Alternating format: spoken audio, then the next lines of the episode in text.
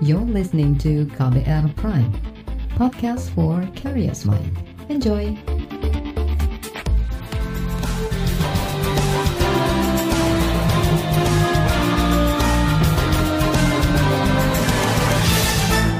Disiarkan langsung dari studio KBR di Jakarta. Inilah KBR sore untuk hari ini, edisi 31 Agustus 2022. Selamat sore saudara, senang sekali saya Reski Mesanto hadir. Dan seperti biasa selama kurang lebih 30 menit ke depan, saya siap untuk menjadi teman Anda. Dan sore ini saya akan ajak Anda untuk membahas program bantuan sosial atau bansos dari pemerintah untuk kalangan pekerja. Bantuan diberikan dari pengalihan subsidi bahan bakar minyak atau BBM.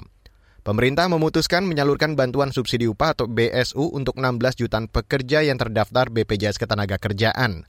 Lalu bagaimana nasib pekerja informal yang tak terdaftar di BPJS? Kita bahas selengkapnya di KBR sore. Saudara Presiden Joko Widodo hari ini mulai menyalurkan bantuan langsung tunai atau BLT dari pengalihan subsidi BBM. Bantuan diserahkan langsung oleh Presiden di Jayapura, Papua. Hari ini kita telah memulai pembagian BLT BBM yang diberikan pada masyarakat selama 4 bulan, per bulannya diberikan 150 ribu, jadi totalnya 600 ribu dan diberikan dua kali. 300, 300. Selain pemberian BLT BBM kepada 20 juta 600 ribu penerima manfaat, juga diberikan subsidi subsidi BBM bagi para pekerja juga sebesar 600 ribu untuk kurang lebih 16 juta pekerja. Bantuan tersebut digagas pemerintah di tengah rencana kenaikan harga BBM bersubsidi. Presiden Joko Widodo beralasan bansos diberikan untuk menjaga daya beli masyarakat. Ada tiga jenis bantuan yang digelontorkan pemerintah dari pengalihan subsidi BBM. Pertama, bantuan sosial dalam bentuk tunai yang diberikan kepada 20 jutaan keluarga penerima manfaat atau KPM. Total nilainya mencapai 12 triliun rupiah. Kedua, bantuan subsidi upah atau BSU untuk pekerja sektor formal dengan gaji maksimal 3,5 juta rupiah per bulan. Bantuan upah itu diberikan kepada 16 juta pekerja dengan nominal 600 ribu rupiah yang diberikan dalam dua tahap. Total anggaran untuk bantuan upah ini lebih dari 9 triliun rupiah. Ketiga, bantuan yang dialokasikan dari 2 persen dana transfer umum daerah, anggarannya sekitar 2 triliun rupiah. Mengapa pekerja informal tidak masuk dalam skema BSU atau bantuan subsidi upah? Kementerian Ketenagakerjaan menyatakan BSU hanya diberikan kepada pekerja sektor formal yang terdaftar BPJS Ketenagakerjaan. Basis data yang digunakan untuk memberikan bantuan ialah daftar kepesertaan BPJS Ketenagakerjaan bulan Juli. Berikut pernyataan staf khusus Menteri Ketenagakerjaan Dita Indasari saat dihubungi KBR hari ini. BSU ini kan bantuan subsidi upah. Sasarannya adalah pekerja penerima upah. Namanya aja upah kan. Jadi yang statusnya bukan penerima upah tidak masuk skema ini. Nah, sektor informal mereka bukan penerima upah karena mereka kerja sendiri. Nah, mereka kerja sendiri, dagang sendiri, modal sendiri gitu, nggak menerima upah. Jadi, nah siapa saja mereka bisa saja mereka itu uh, masuk skema uh, di Kemensos kalau mereka masuk masyarakat miskin, tapi bisa juga mereka masuk di uh, data pemerintah daerah. Pokoknya BSU itu hanya untuk yang menerima upah alias sektor formal. Dita menjamin pekerja informal tetap akan mendapatkan bantuan. Dia menyebut beberapa pekerja informal yang masuk ke dalam data terpadu kesejahteraan sosial atau DTKS milik Kementerian Sosial berhak menerima BLT.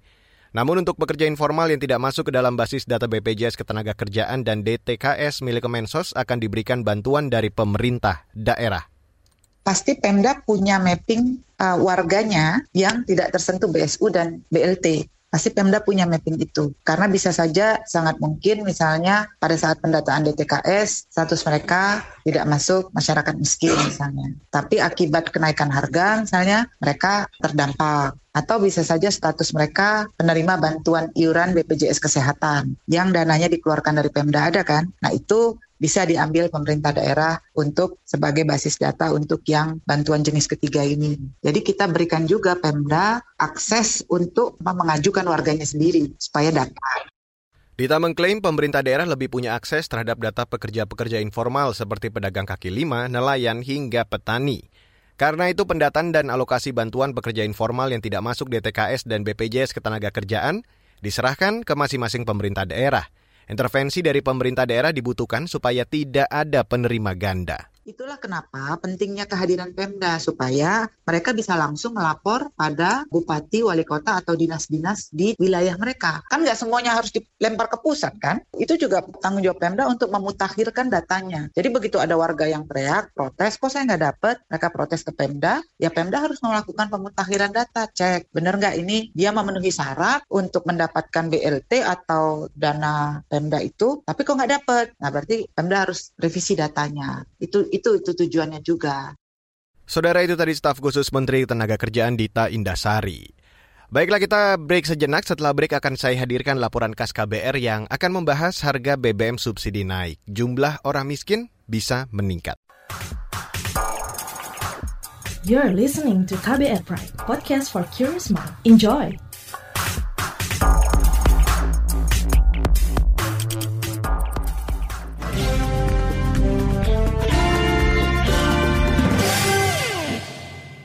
Saudara, rencana kenaikan harga bahan bakar minyak atau BBM subsidi sudah diambang mata. Pemerintah memberi sinyal kenaikan harga BBM dengan mulai menggulirkan bantalan sosial senilai total 24 triliun rupiah untuk pengalihan subsidi BBM. Namun banyak pihak menilai kenaikan harga BBM subsidi akan memberikan efek domino hingga peningkatan jumlah orang miskin. Berikut saya hadirkan laporan KAS KBR yang disusun Astri Yuwanasari. Presiden Joko Widodo sampai saat ini belum memutuskan menaikkan harga bahan bakar minyak BBM, khususnya BBM bersubsidi. Ia mengatakan harga BBM subsidi menyangkut hajat hidup orang banyak, karena itu harus dihitung dampak terhadap masyarakat, terutama terkait inflasi atau naiknya harga-harga barang, serta tingkat daya beli masyarakat.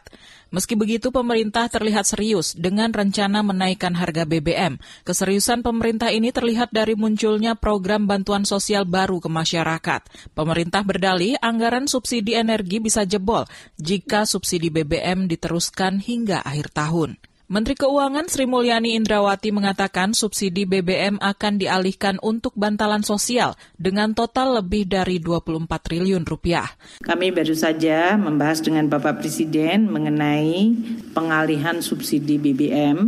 Jadi dalam hal ini masyarakat yang akan uh, mendapatkan bantuan sosial dalam hal ini di dalam rangka untuk meningkatkan daya beli mereka terutama karena dalam beberapa waktu terakhir memang tendensi dari kenaikan harga yang berasal dari pengaruh global memang perlu untuk direspons.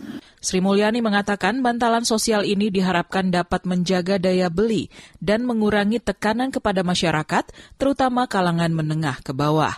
Pemerintah memilih untuk memberikan setidaknya tiga skema bantalan sosial untuk pengalihan subsidi BBM, yakni bantuan langsung tunai atau BLT, bantuan subsidi upah atau BSU, dan dana bantuan tambahan perlindungan sosial untuk sektor informal. Jadi total bantalan sosial yang tadi ditetapkan oleh Bapak Presiden untuk bisa dieksekusi mulai dilakukan pada minggu ini uh, adalah sebesar 24,17 triliun rupiah. Ini diharapkan akan bisa mengurangi tentu tekanan kepada masyarakat dan bahkan mengurangi kemiskinan namun skema yang dibuat pemerintah ini dinilai tidak akan membendung peningkatan kemiskinan di masyarakat jika BBM subsidi tetap harus dinaikkan. Badan Pusat Statistik BPS mengingatkan pemerintah mengenai ancaman melonjaknya warga miskin akibat kenaikan harga BBM subsidi nanti. Kepala BPS Margo Yuwono mengatakan, jika merujuk pada momentum kenaikan harga BBM tahun 2005, angka kemiskinan naik dari hampir 16 persen menjadi 17,7 persen di tahun 2006, dengan jumlah orang miskin meningkat dari 35 juta jiwa menjadi 39 juta jiwa. Misalkan kalau BBM naik kemudian pengaruh ke inflasinya tinggi, maka itu kepada kemiskinan. Di sana terlihat ya, dulu ya begitu ada kenaikan cukup tinggi di BBM, inflasinya tinggi 17 persen, itu kemiskinannya langsung naik menjadi 17,75 persen. Kepala BPS Margo Yuwono menambahkan kondisi serupa juga terjadi saat pemerintah menaikkan harga BBM pada 2013 dan 2014. Kala itu, jumlah orang miskin meningkat dari 28,07 juta jiwa di Maret 2013 menjadi 28,59 juta jiwa pada Maret 2015. Kalangan parlemen juga meminta pemerintah memikirkan dampak menaikkan harga BBM subsidi. Dalam keterangan tertulis, anggota Komisi Sosial DPR Maman Imanul Haq menyebut jumlah orang miskin pasti akan meningkat jika pemerintah tetap menaikkan harga BBM. Saat ini jumlah kelompok menengah yang rentan terhadap garis kemiskinan di Indonesia mencapai 115 juta orang. Tanggapan serupa juga disampaikan pengamat kebijakan publik Trubus Rahadiansyah.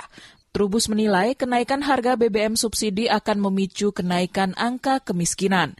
Menurutnya, jika harga BBM naik, maka bisa memicu inflasi dan menurunkan daya beli masyarakat. BBM contoh misalnya pertalit naik dari 7.800 atau 8.000 lah kasarnya menjadi 10.000 maka tingkat inflasi kita akan mencapai di kisaran 8 sampai 9 persen, Mbak. Begitu. Jadi 8-9 persen ini maka yang terjadi adalah semua harga mahal dan di sinilah kemudian dampaknya efek dominonya adalah munculnya kemiskinan ekstrim yang yang masif gitu. Trubus Rahadiansyah mengatakan naiknya harga BBM akan berdampak pada banyak hal, mulai dari tekanan terhadap daya beli masyarakat hingga sektor ketenaga kerjaan. Tidak menutup kemungkinan para pelaku usaha bakal gulung tikar karena tekanan perekonomian yang silih berganti. Trubus mendorong pemerintah memberikan bantalan sosial dalam bentuk barang agar lebih tepat sasaran dan dirasakan manfaatnya oleh masyarakat. Demikian laporan khas KBR, saya Astri Yuwanasari. Saudara kalangan nelayan yang masuk kategori pekerja informal mendorong pemerintah menyiapkan skema bantuan subsidi BBM yang berkelanjutan. Apa harapan mereka? Informasi selengkapnya sesaat lagi. You're listening to KBR Pride, podcast for curious mind. Enjoy!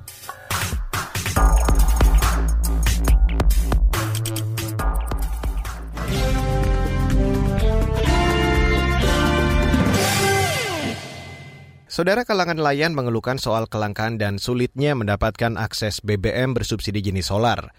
Kesatuan Nelayan Tradisional Indonesia atau KNT khawatir situasi bakal tambah berat jika pemerintah benar-benar menaikkan harga bensin bersubsidi. Mereka mendesak pemerintah menyiapkan skema bantuan sosial yang berkelanjutan untuk nelayan. Tujuannya meringankan beban dan tekanan nelayan akibat kenaikan harga BBM subsidi. KNTI memperkirakan jumlah nelayan di Indonesia saat ini sekira 1,7 hingga 2,5 juta orang. Angka ini belum termasuk data orang-orang yang bergantung di sektor perikanan. Selengkapnya saya ajak Anda untuk langsung mendengarkan perbincangan jurnalis KBR Astri Septiani bersama Ketua Yayasan Nelayan Tradisional Indonesia atau KNTI, Dani Setiawan. Soal wacana kenaikan harga BBM, apakah kemudian akan berdampak kepada nelayan dan seperti apa dampaknya begitu? Ya jelas eh, dampak langsung pada nelayan eh, sudah bisa dipastikan ya karena di lapangan yang terjadi ya mayoritas nelayan kita nelayan kecil khususnya ya 82 persen dari nelayan kecil di Indonesia itu tidak bisa mengakses BBM bersubsidi. Itu survei KNTI 2020-2021. Nah mereka akhirnya kan membeli harga BBM dengan eh, harga eceran ya yang lebih mahal antara 1.000 sampai 3.000 rupiah selisihnya dari harga resmi. Kalau besok pemerintah menaikkan harga BBM maka ya pasti sudah ya di eceran harganya akan lebih tinggi lagi yang dibeli oleh nelayan dari harga yang resmi yang sudah ditetapkan. Apa akibatnya? Eh, akibatnya adalah pendapatan nelayan yang yang juga tidak meningkat ya karena harga ikan juga uh, cenderung fluktuatif bahkan beberapa komoditas tertentu mengalami penurunan ya. Sementara biaya melautnya meningkat. Nah ini pasti memberatkan mereka menjadikan kondisi ekonominya semakin terpuruk gitu ya. Dan saya kira uh, akan menambah daftar panjang juga ya bagi masyarakat pesisir yang mengalami kemiskinan ekstrim ya berdasarkan datanya kantor wakil presiden kan 70 persen daerah yang yang mengalami kemiskinan ekstrim ekstrim itu berada di wilayah pesisir yang mayoritas penduduknya adalah nelayan-nelayan kita, gitu, nelayan tradisional atau nelayan kecil. Saat ini apakah sudah ada pembicaraan ataupun tanda-tanda dari pemerintah pusat maupun daerah begitu untuk bantuan kepada nelayan terkait kenaikan BBM bersubsidi? Yang baru saja dilaporkan oleh anggota-anggota kami ya di daerah, yang jelas yang sudah terasa sekarang adalah BBM di lapangan langka. Jadi terjadi antrian-antrian panjang ya di SPBUN ya dekat eh, kampung nelayan atau di eceran gitu. Saya nggak tahu ini karena apa, mungkin apakah penimbunan ya dan lain-lain gitu. Nah ini juga harus diantisipasi oleh pemerintah. Yang kedua, soal bantuan sosial ya sebagai dana kompensasi uh, sampai hari ini uh, belum ada ya diberitahukan uh, dan uh, skemanya seperti apa yang kami baca kami tahu kan uh, ada dua persen ya dari dana alokasi umum dan dana bagi hasil yang akan dialokasikan untuk subsidi transportasi ya termasuk di dalamnya adalah nelayan gitu. Lalu sebetulnya skema bantuan seperti apa yang diharapkan oleh para nelayan begitu untuk menghadapi kenaikan BBM bersubsidi subsidi. Nah, kami ingin sebenarnya kalaupun ada dana kompensasi semacam itu, sebaiknya digunakan langsung ya untuk memberikan subsidi bantuan untuk uh, pembelian BBM. Ya, jadi misalnya sekarang ini uh, pemerintah sedang mendorong ya KKP agar penerbitan kartu kusuka ya kartu nelayan itu dipercepat. Ya, kartu itu bisa digunakan tuh untuk membantu nelayan ya atau menjadi uh, alat ya distribusi bantuan sosial kompensasi yang sedang direncanakan kebijakan pemerintah itu sehingga nelayan bisa membeli uh, dengan bantuan sosial itu dia bisa membeli BBM ya dengan harga yang uh, sudah disubsidi kurang lebih kira-kira gitu. Misalnya setiap hari ya rata-rata kan nelayan kecil itu membutuhkan BBM sekitar 30 liter solar gitu. Nah kalau misalnya bantuan sosial itu untuk mensubsidi, misalnya katakanlah seribu rupiah ya, kali 30 kan sekitar 300 ribu gitu, ya kan, 30 ribu gitu ya, 30 ribu satu kali melaut ya di, di kali misalnya satu bulan eh, 25 hari mereka melaut gitu. Nah jadi bantuan sosial itu akan lebih berguna kalau dia bisa diberikan ya untuk memper apa ya eh, memperingan lah ya beban nelayan untuk membeli BBM. Ke depan pemerintah bisa memikirkan bagaimana merelokasi ya bantuan atau anggaran subsidi bahan bakar ya baik itu solar maupun pertalite menjadi anggaran bantuan langsung gitu kepada nelayannya ya dalam bentuk uh, transfer langsung bantuan sosial sehingga tetapi uang itu tidak boleh diberikan atau tidak bisa untuk membeli yang lain kecuali untuk membeli BBM gitu. Jadi setiap mereka datang bawa kartu kusukanya, di dalam kartu itu sudah ada uang 500 ribu untuk jatah dia membeli BBM satu bulan. Kira-kira gitu ya, sebagai bantuan subsidinya. Daripada sekarang ini, mereka membeli BBM walaupun ada subsidinya, tetap nggak mereka rasakan. Saudara itu tadi perbincangan jurnalis KBR Astri Septiani dengan Ketua Kesatuan Nelayan Tradisional Indonesia atau KNTI Dani Setiawan. Saudara, pekerja informal harus segera mendapat bantuan jika harga BBM subsidi dinaikkan. Mengapa demikian? Selengkapnya sesaat lagi. You're listening to KBR Pride, podcast for curious mind. Enjoy!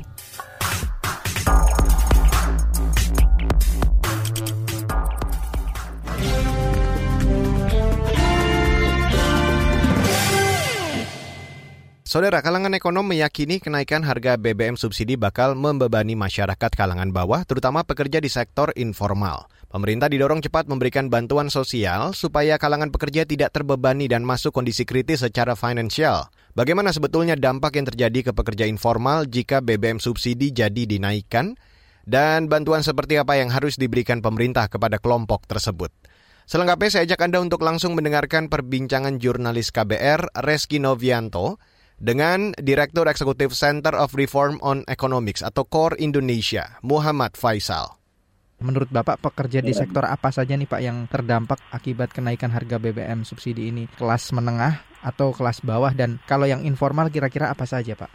Sebetulnya kenaikan harga BBM itu mengena pada semua baik itu kalangan menengah, atas dan juga bawah. Dan kalangan bawah dan tapi yang paling menderita atau yang paling besar bebannya itu adalah kalangan bawah karena konsumsi BBM dan juga konsumsi makanan terhadap total konsumsi dari kalangan bawah itu lebih tinggi persentase dibandingkan kalangan menengah dan atas. Jadi sehingga ketika ada kenaikan BBM yang juga berimbas kepada kenaikan harga pangan ya dan juga barang-barang yang lain sebetulnya. Nah ini yang paling menderita sebetulnya kalangan bawah. Jadi kalau ditanya sebetulnya sektor apa saja, saya bilang semua sektor. Tapi yang duluan kena biasanya adalah yang langsung berkaitan sama transportasi karena transportasi langsung membutuhkan BBM, langsung menambah biaya produksinya.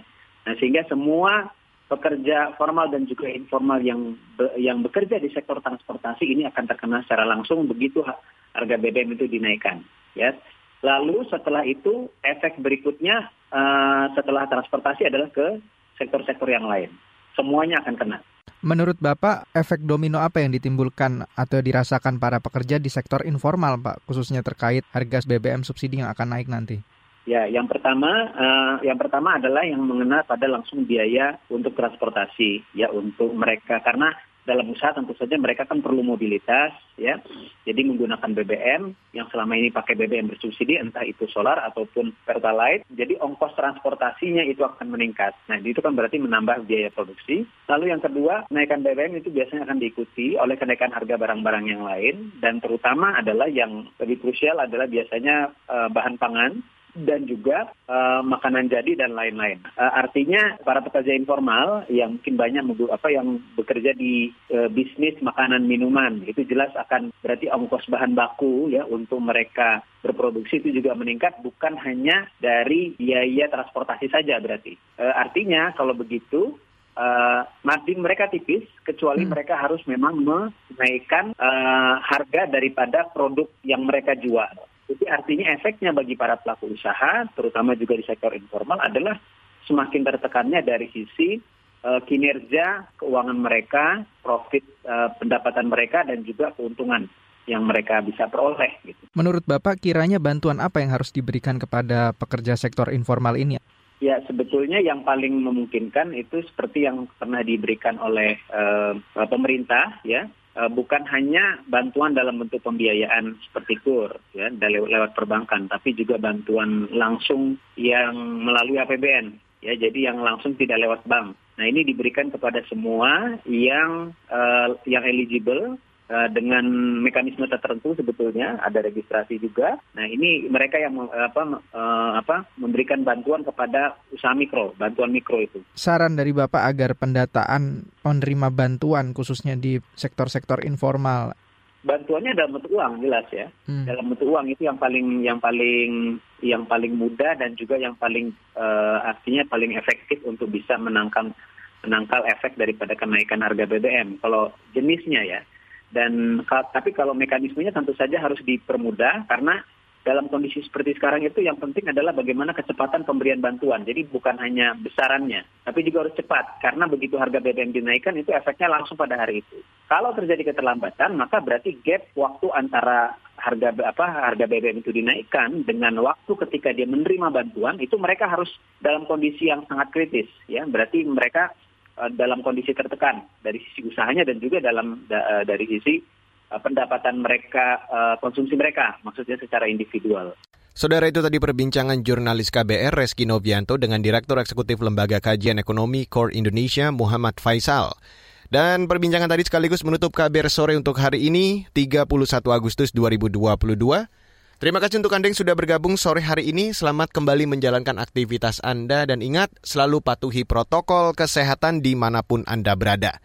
Saya Reski Mesanto mewakili tim redaksi yang bertugas sore hari ini. Kami undur diri. Salam.